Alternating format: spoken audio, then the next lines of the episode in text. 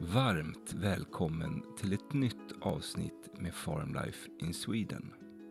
I det här avsnittet ska vi prata om den värmande veden och hur vi odlar för att bli så självförsörjande som möjligt. Det är februari månad, det är vitt på marken, dagarna blir ljusare och ljusare och djuren står fortfarande i stallet.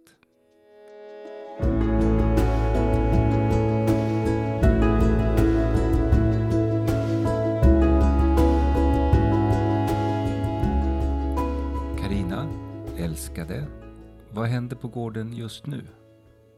Nu håller vi på med ved. Eh, Vi behöver eh, fylla på vedboden inför nästa vinter. Nästa eldningssäsong. Hur mycket ved behöver vi ha under en vinter för att kunna värma upp huset och laga mat? Jag tror att det räcker med 8 kubik. Eh, Tidigare när jag har köpt ved så har jag köpt 15 kubik ungefär. Eh, Och då har det räckt i två vintrar om det inte har varit allt för kalla vintrar. Men om det är en hyfsat normal vinter eh, här i Västsverige så har vi ganska milda vintrar.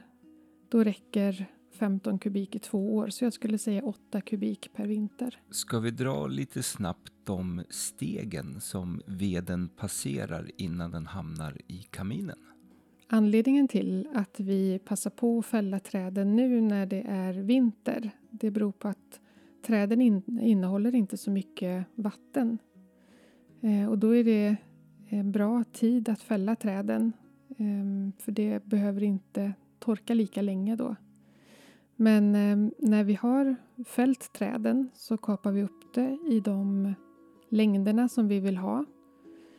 Eh, sen klyvs den, eh, läggs upp på tork och så får den torka från påsk ungefär fram till midsommar.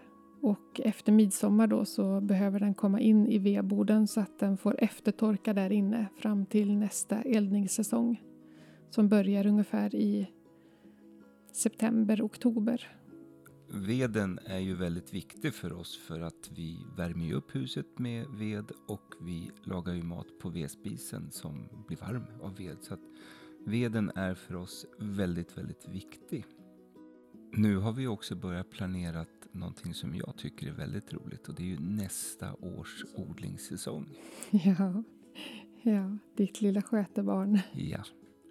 Och vi brukar ju alltid utvärdera hur det gick året innan. Vilka misstag vi gjorde och vad det var som gick bra. Och sen också vad behöver vi odla mer utav för att bli mer självförsörjande. Mm. Och här kan väl jag krypa till korset först och säga att jag var lite väl ivrig förra året. Mm. Vad var det jag sa? Så gurkan blev ju ett totalt fiasko.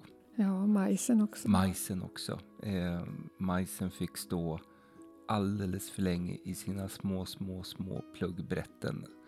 Så Mm. att eh, när vi väl planterade ut den så förstod inte majsen att jaha, jag ska växa ännu mer.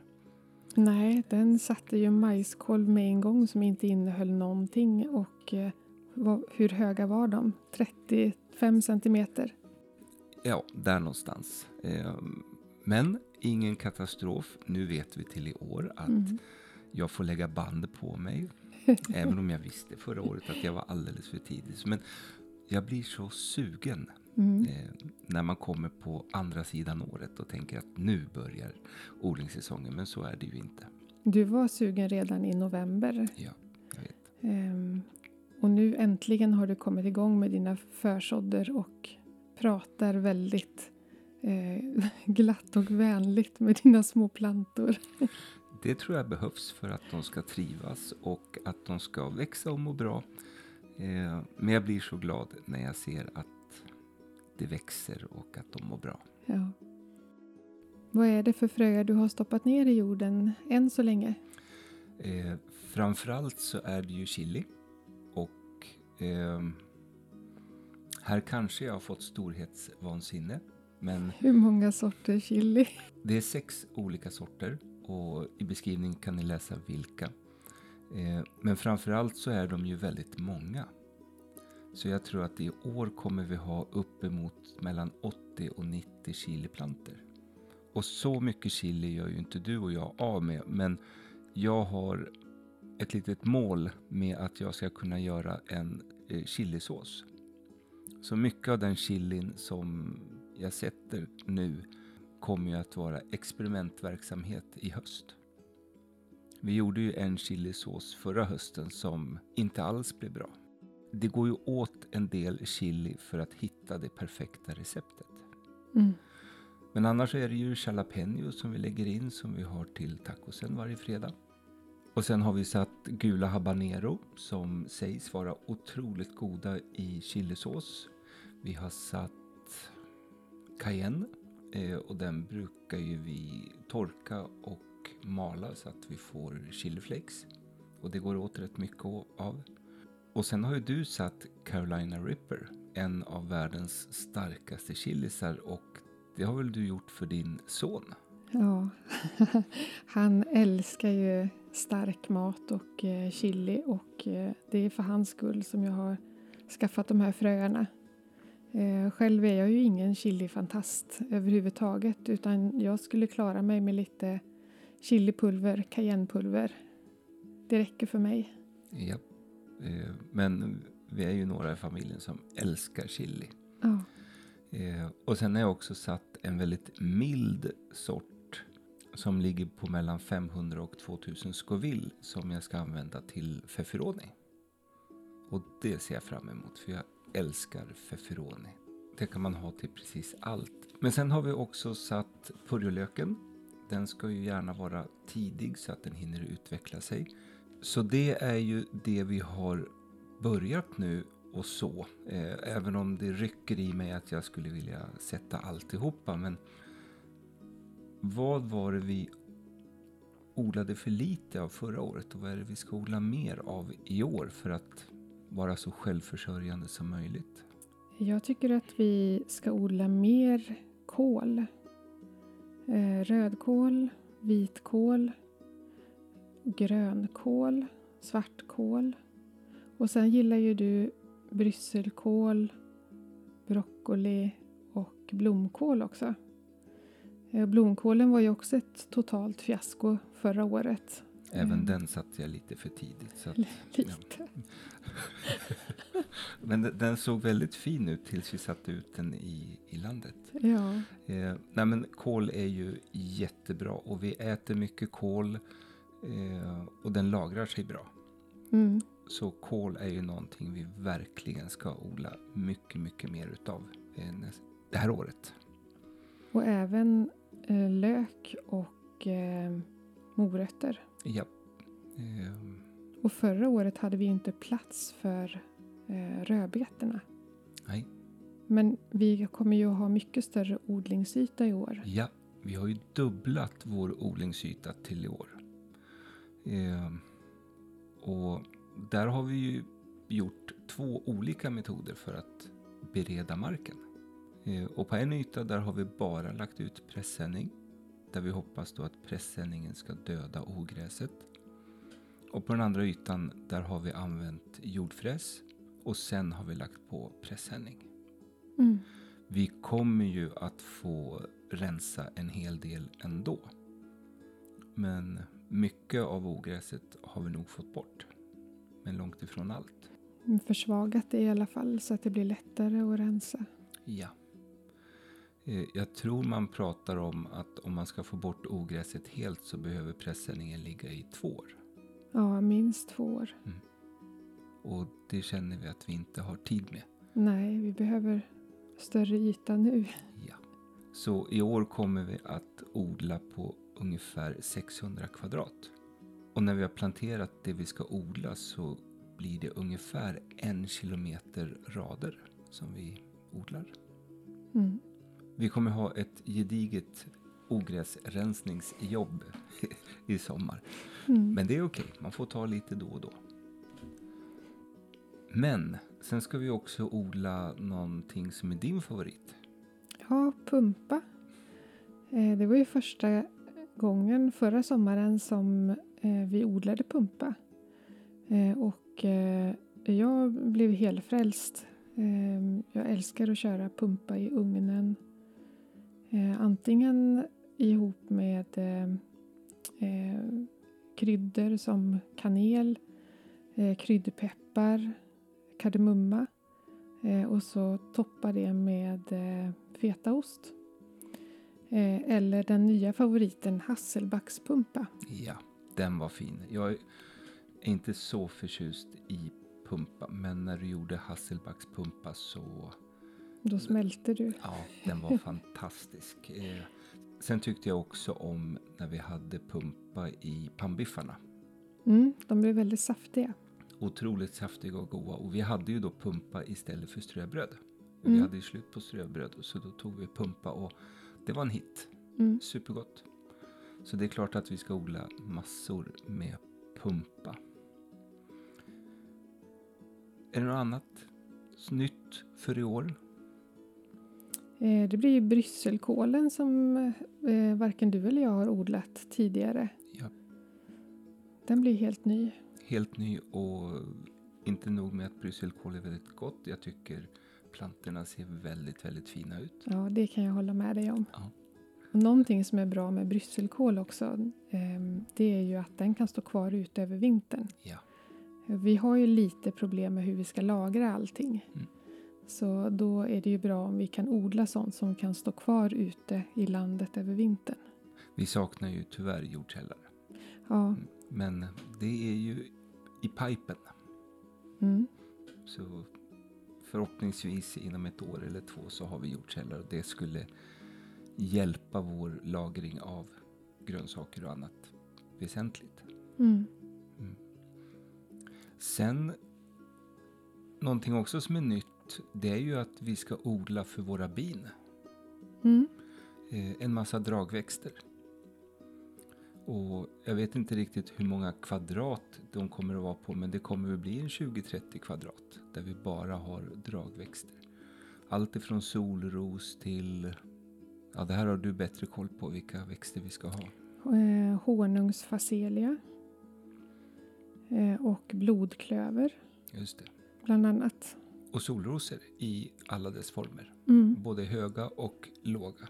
Ja. Och det ska bli kul att se hur höga de där solrosorna blir. Eh, jag tror det stod på förpackningen att de kunde bli fyra meter höga. Oj. Så det gäller att vi planterar dem på rätt ställe så att de inte skuggar hela köksträdgården. Mm. Hur skulle du säga att vi tänker? Nu, nu har vi suttit och planerat vad vi ska odla den här sommaren. Men hur tänker vi? Eh, vi tänker ju på vad vill vi äta eh, och utgår ifrån det. Eh, vad tycker vi om att äta? Eh, hur ska vi tillaga eh, de råvarorna som vi får utav skörden? Eh, och utifrån det så behöver vi också fundera på hur vi ska lagra det och eh, vilken lagringsduglighet vi behöver ha på det vi sår och odlar. Så vissa saker kanske vi säger att vi ska äta under sommaren och då vill vi ha tidiga sorter. Ehm, då har de kanske inte den bästa lagringsdugligheten. Ehm, så för det som vi ska äta under hösten och vintern så behöver det vara lagringsdugliga sorter. Ja. Ehm, och då kanske de behöver längre tid på sig och eh, mognar senare. Eh, Ett bra exempel på det är ju, ja men vi äter ju tacos varje fredag. Mm. Eh, och din son Lukas och jag älskar ju att ha jalapeno på. Mm. Och då går det ju att räkna ut att ja, varje fredag då gör vi av med så här mycket jalapeno. Och så tar man det gånger 52. Och så vet vi ungefär, ja, så här mycket jalapeno behöver vi odla. Och sen får man räkna med att allt kanske inte växer så där tipptopp. Så då lägger man på 30% till. Så vet vi att, ja, nu har vi jalapeno för ett år framöver. Och, du får, och så räknar vi likadant med pumpa, vi räknar likadant med löken och vitlöken. Mm. Och då ser vi vilket behov vi har och så odlar vi ut efter det. Mm. Men vi backar tillbaka lite till våran nyetablering. För det är ju inte bara att lägga en pressändning på backen och tro att allting är frid och fröjd. Utan vad är det vi behöver tänka på nu när vi ska odla på nyetablerad mark? Ehm, eftersom vi kommer att ha kvar ganska mycket gräs och ogräs och vi har ju en hel del besvärliga rotogräs också som kvickrot och Ja. mycket nässlor och så. Eh, Så måste vi tänka på att vi kommer inte kunna så rakt ner i det här för att då kommer ogräset vinna med kanske 10-0. Eh, Så vi behöver ju förså planter så att vi har små em, etablerade planter som vi kan sätta ut. Eh, Och sen så täcker vi runt de plantorna så att eh, ogräset i största möjliga mån kvävs. Eh, Och då kommer ju plantorna ha eh, ett försprång gentemot ogräset. Eh, Och sen får vi också tänka på ehm, om vi inte kan täcka all yta, att vi sätter sånt som har ehm, ett tätt och eh, starkt bladverk så att eh, det skuggar ut ogräset. Ja. Där är ju solrosorna väldigt bra. Ja. Ehm, de bildar ju som en tät matta med stora blad och höga stammar som skuggar ut gräset. Ja.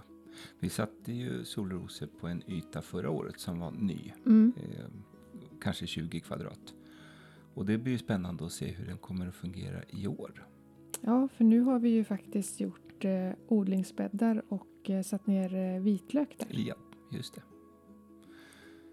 Jag har hört att man inte ska odla potatis första året på nyetablerad. Varför det?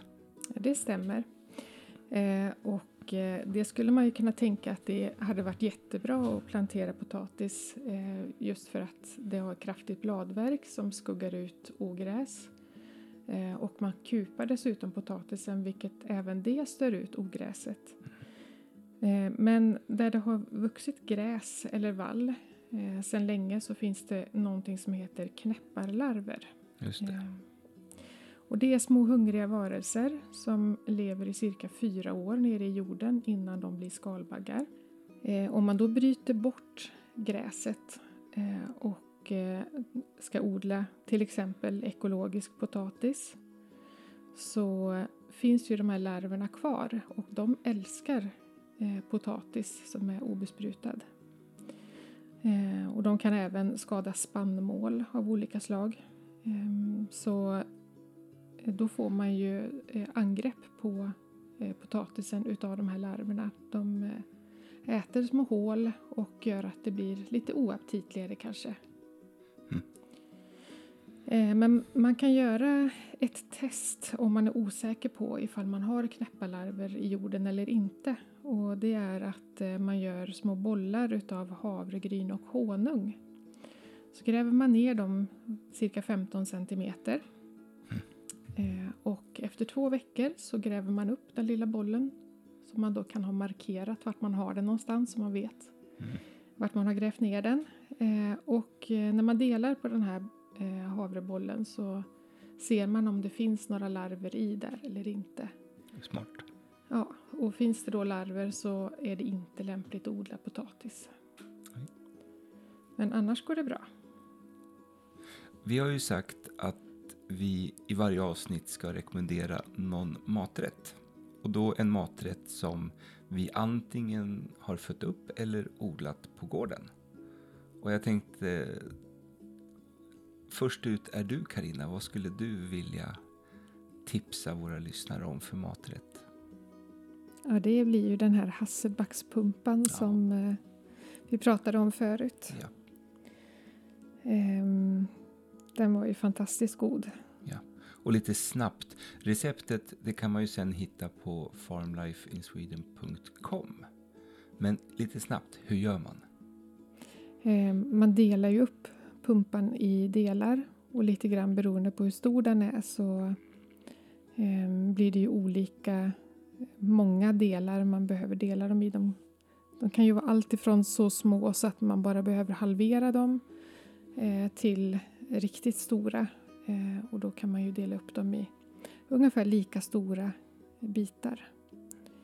Eh, och eh, skalet behöver man inte ta bort utan man lägger skalet neråt och så skär man med en kniv så att man får de här typiska hasselbacksskivorna eller vad man ska säga. Mm.